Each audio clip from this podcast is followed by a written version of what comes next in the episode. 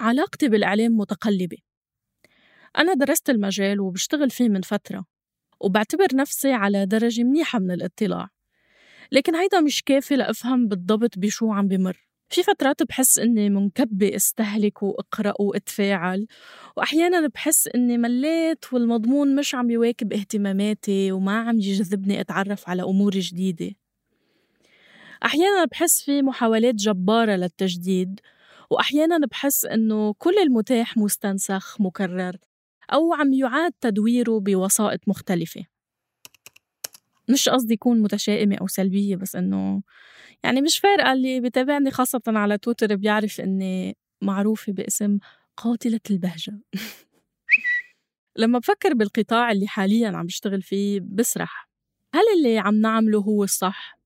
هل اللي عم ننتجه هو أفضل ما يكون؟ هل فعلا بيلائم ذوق الجمهور وتوقعاته منا؟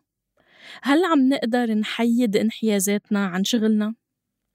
طب كيف منتعامل مع سلطة التقنيات اللي بدل ما تسهل الشغل أحيانا بتعقده؟ وهو يعني شو كان بدنا بهالشغلة من الأساس؟ هيدا البرنامج هو مساحة لمناقشة كل الأفكار اللي بتخطر ببال اللي عم يصنع مواد الإعلام وقد تكون واردة بأذهان اللي عم يتلقاها معكن رنا داوود وعم تسمعوا إندي ميديا. بودكاست بيوثق المشهد الإعلامي المستقل بمنطقتنا من خلال دردشات مع عاملين بالمجال.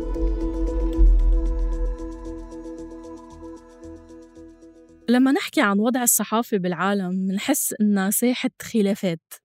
ما بقصد القضايا اللي بتنقلها وسائل الإعلام والحمد لله يعني عالمنا ما بيهدى. بل بقصد تعريف الصحافة وعملها وأهدافها وشكلها ومعاييرها. يعني اللي يبدو مش مسلمة مثل ما كانوا يدرسونا بكليات الإعلام. هالتحول بالتفكير والتنفيذ واضح عند اللي عم يبنوا مساحات صاعدة قد تسوق تعريف مختلف لماهية العمل الصحافي. وهذا انعكاس طبيعي لكل ما عم نمر فيه من مؤثرات خارجية مثل أزمات اقتصادية وحروب وتقنيات عم بتفكك كل شيء كنا نعرفه عن المهنة. من خلال حديثي مع مجموعة من الصحفيين خاصة اللي أسسوا منصات رقمية حديثة نسبياً لاحظت أنه قصصهم فيها نقاط مشتركة وكأنه عندهم نفس الرؤية. بدأوا يحلموا بواقع أفضل ببلدانهم وواقع أفضل لمهنة الصحافة اللي اختاروها. عشان هيك بدأوا يخطوا درجة درجة ليوصلوا للصورة اللي بترضي تطلعاتهم. اولا اللي أسسنا درج نحن ثلاث صحفيين بمنتصف العمر المهني.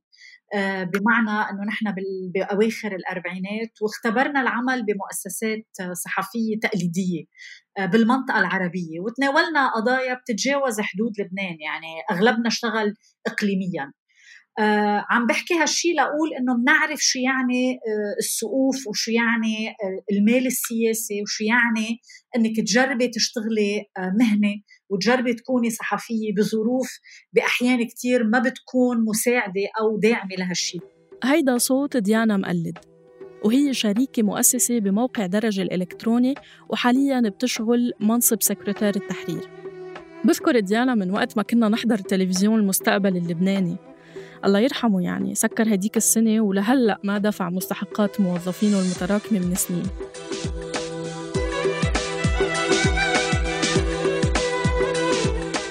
المهم بذكر إنه بعز تلفزيون المستقبل ديانا كانت تعمل تقارير تلفزيونية ووثائقيات مصورة من حول العالم وغطت مجموعة من مناطق النزاع.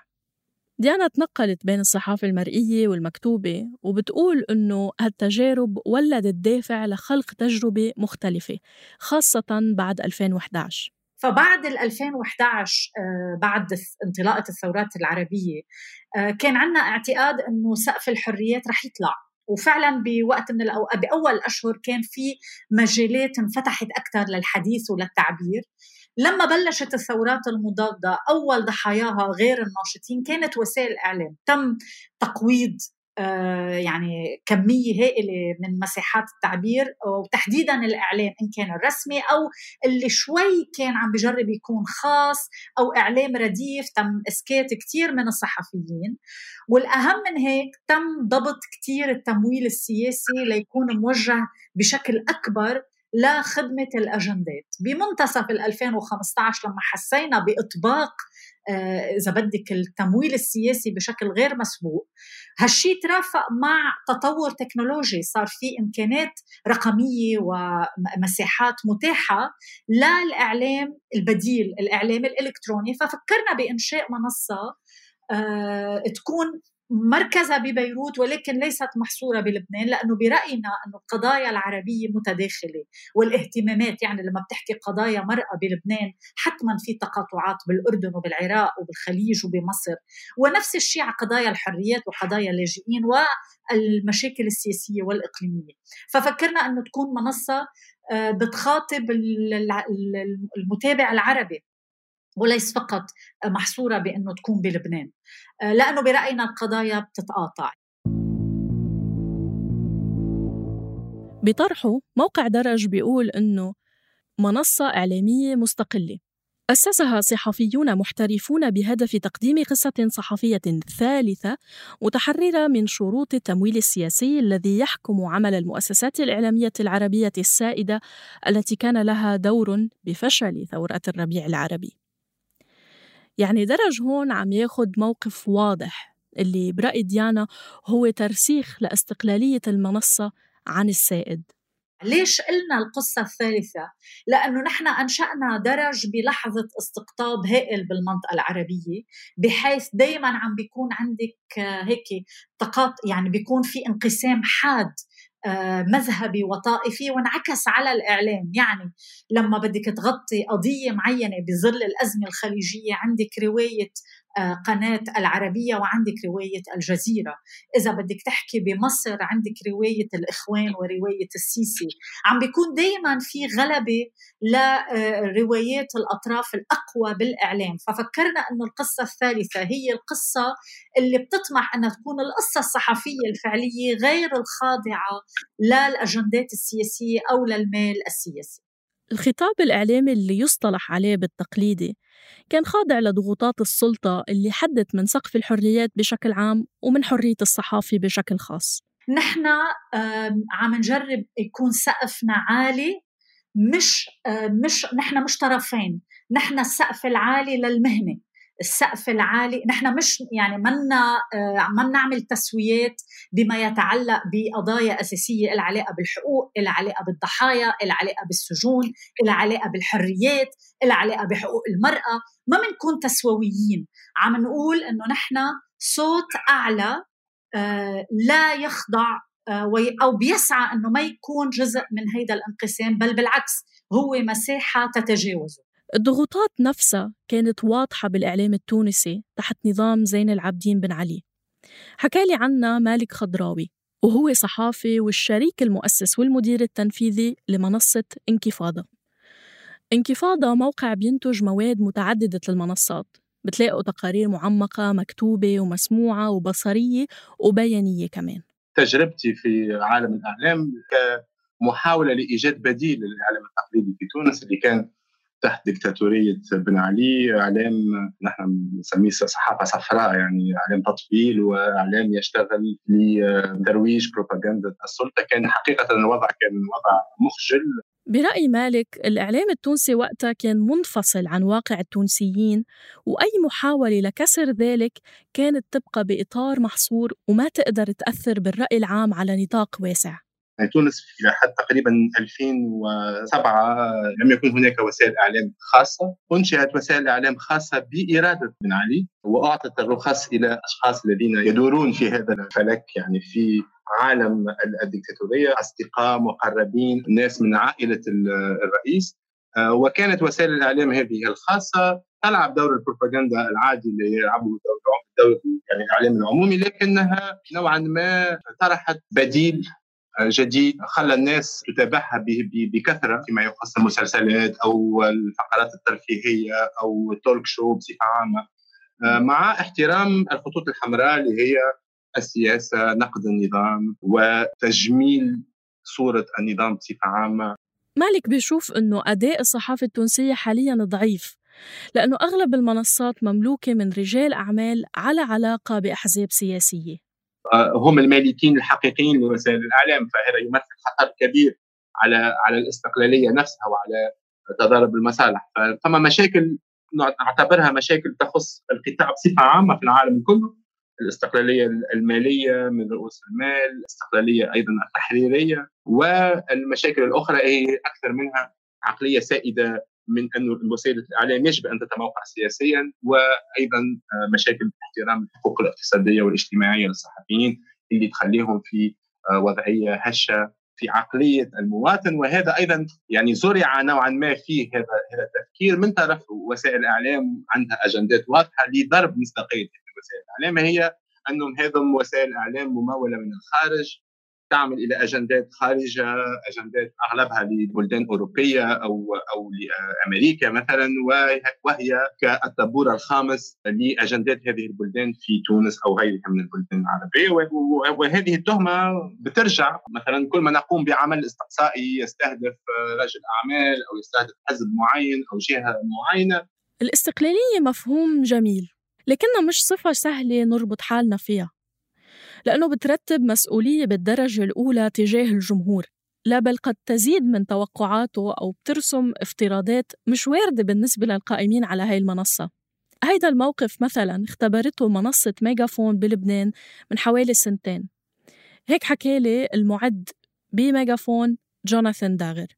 بعدين صار في أول قفزة يعني كبر جمهورنا منيح وقت انتخابات ال 2000 وانتخابات النيابية 2018 وقت توسع جمهورنا شوي لأنه صرنا عم نحكي عن انتخابات بالمناطق صرنا عم نحكي عن مرشحين ف فصاروا يتبعونا ناس ما كانوا لاحقينها من قبل. وهون صار في عندنا شوي انتقاد اقسى يمكن ل...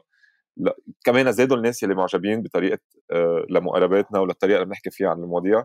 بس زادوا الناس يلي كمان بينتقدونا ويلي بيعتبروا إنه نحن بمحل ما آه، مثلا نحن كنا عم ننتقد مرشحين مستقلين وفي ناس اعتبروا إنه لأنه نحن منصة مستقلة نحن شغلتنا ندعم مرشحين مستقلين على العميانه سو نحن هون إنه قلنا لا مش شغلتنا ابدا ندعم مرشحين مستقلين لأنه نحن منصة مستقلة.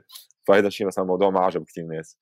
أه وطبعا دائما عندنا جمهور الأحزاب يلي بيتابعنا يلي ما بيعجبوا ابدا نقدنا للأحزاب تبعهم أو للزعماء تبعهم أو للسياسات. ف ففي دائما في يلي بيحبنا يلي بيحبنا ويلي بيوافق معنا ويلي جاي ينتقدنا وفي يعني مستوى الشراسة بالنقد بتطلع وبتنزل بس ما عندنا مشكلة ابدا مع هالموضوع بالعكس ميجافون موجودة كرمال حتى آه، تنمي هيدا يعني تنقل تنقل الحديث من إنه الخناقة بالشارع بركي لديبيت سياسي عم بيصير بالناقش شوي أكثر آه، قد ما فينا يعني. يعني حتى لو المنصة قادرة تحيد حالها من الأطراف السياسية والحكومية فبيضل في علامة استفهام حول سلطة المال اللي عم ينضخ بالمؤسسة وأثره على السياسة التحريرية. درج بتعريفه كمان بيقول إنه يؤمن بضرورة الاستقلال المادي كشرط من شروط الاستقلال التحريري ومن هنا قراره بأن يكون شركة تجارية محدودة المسؤولية وتبتغي الربح في مرحلة لاحقة. وفي انتظار ذلك يلجأ إلى تمويل دولي يحرص على مكاشفة مستخدميه بهوية أصحابه. قلنا نحن مين بمولنا من وين مصدر أموالنا. آه شوفي نحن مش ان جي أو نحن من أول ما بلشنا فكره درج إنه يكون قائم آه عنده استقلال مادي. آه فحطينا حالنا بمراحل. لنوصل لمرحلة الاستقلال المادي الكامل. ليش؟ لأنه نحن شفنا شو يعني تدفعي ثمن إنه تكون الصحافة مرتهنة ماديا سواء لأنظمة أو لجهات سياسية أو لأحزاب أو لمتمولين. فكانت الفكرة نحن ما عندنا امكانات مادية وما في متمولين آه، مؤمنين ب آه، يعني إنه يستثمروا بصحافة مستقلة. على الأقل آه، حتى الآن. يمكن يكون في موجود آه، بس ما قدرنا نوصل لهم فكانت الفكرة أنه ينشأ درج بتمويل من مؤسسات مانحة آه، لا تخضعنا لأي ضغط سياسي. وبالتالي نحن ما بناخذ تمويل من مؤسسات حكومية أو من أي جهات ممكن يكون في شكوك حول مصادرها التمويلية. موضوع التمويل نحن موضوع واعيين له ومدركين لدقته. وقررنا من أول يوم نعلن مين هن ممولينا أي مشروع نحن آه، ندخله ندخله مع جهات بتكون واضحة وما بتعمل علينا أي ضغط تحريري صفر. ما بنقبل أي تدخل بالتحرير تبعنا. طبعا بنتشارك مع المؤسسات مبادئ وقناعات معينة ولكن لا ندخل تحت أي ضغط سياسي. فنحن حتما هلأ عم ناخذ من مؤسسات مانحه بإطار نوصل لوقت نقدر نكون مستقلين 100% وإنكفاضة كمان عنده مبادئ شبيهة بدرج. اللي يسمح لنا اليوم أن إن يعني نكون نوعا ما في حالة نعتبر نفسنا مستقلين حتى من الداعمين اللي هم أصدقائنا وشركائنا وعلاقتنا بهم علاقة وطيدة. نحن نعرف أنه هذا التمويل لا يمس أي علاقة ليست له أي علاقة بالخط التحريري متاعنا باختياراتنا للمواضيع التي نكتب فيها. لكن نفهم تخوف المواطن من هذا ولهذا نحن نتكلم كثير على هذا الموديل اللي نحاول نأمنه للمؤسسة متاعنا وفي نفس الوقت ننشر حساباتنا ننشر ممولينا بكل شفافية عندنا موقع موقع المؤسسة موقع الخط موجود فيه كل التقارير السنوية التقارير اللي هم اوديتد يعني اللي كان صار فيهم تدقيق والتقرير المدقق ننشره كل سنة بيكون فيه كل المعلومات عن الأموال عن الخدمات عن الممولين عن الرواتب على كل ما يتعلق بتسيير المؤسسة. وحقيقة اليوم بعد تو ست سنوات من إنشاء المؤسسة أصبحت هذه الأسئلة قليلة جدا مقارنة ببداية التجربة. فأعتبر أن المواطن أو القارئ بانكفاضة بدأ يفهم تقريبا ما نحاول أن نقوم به. نحاول أن نتكلم كثير على هذه المسألة الأساسية اللي هي مسألة التمويل. نحاول أن نفسر لماذا النموذج التقليدي المبني على الإعلان أو المبني على رؤوس المال هو لا لا يسمح للمؤسسة أن تكون مستقلة وأنه مسألة الاستقلالية رغم أنها مسألة صعبة جدا لأنها ليست إلا مسألة استقلال مالي ليس لها حل واحد بل هي محاولات لإيجاد حل يضع توازن بين التدخل لهذه المنظمات أو الدعم لهذه المنظمات. يمكن البعض بيشوف إنه أسهل نستهلك محتوى صحفي من منصات موجهة أو تقليدية. على القليلة عارفين مين وراها وشو تحيزاتها ومش محيرة تغطياتها عكس المنصات الرقمية الجديدة. من خلال حديثي مع ديانا ومالك وجوناثان وغيرهم من العاملين بالقطاع الإعلامي أكيد رح تتعرفوا عليهم بحلقات لاحقة تأكدت أنه الاستقلال نسبي جدا. المفهوم بحد ذاته شائك وأكيد ما في إجماع على تعريفه وتفاصيله. بس صرت ميل لأعتبر أنه الاستقلالية هي عقد ضمني بين المؤسسة وجمهورها. المؤسسات عليها تعمل خيارات تحريرية ومالية وسياسية. والجمهور عليه إنه يكون واعي لهالخيارات وأو بيرضى فيها أو بيلاقي مساحات تناسبه أكتر. انتظروا اندي ميديا بالحلقة الجاي لتتعرفوا على الوضع المالي لمؤسسات إعلامية مستقلة بالعالم العربي. كنت معكم بالإعداد والتقديم أنا رنا داوود ومن التصميم الصوتي تيسير قباني. هيدا البودكاست نتاج تعاون بين صوت وانكفاضة.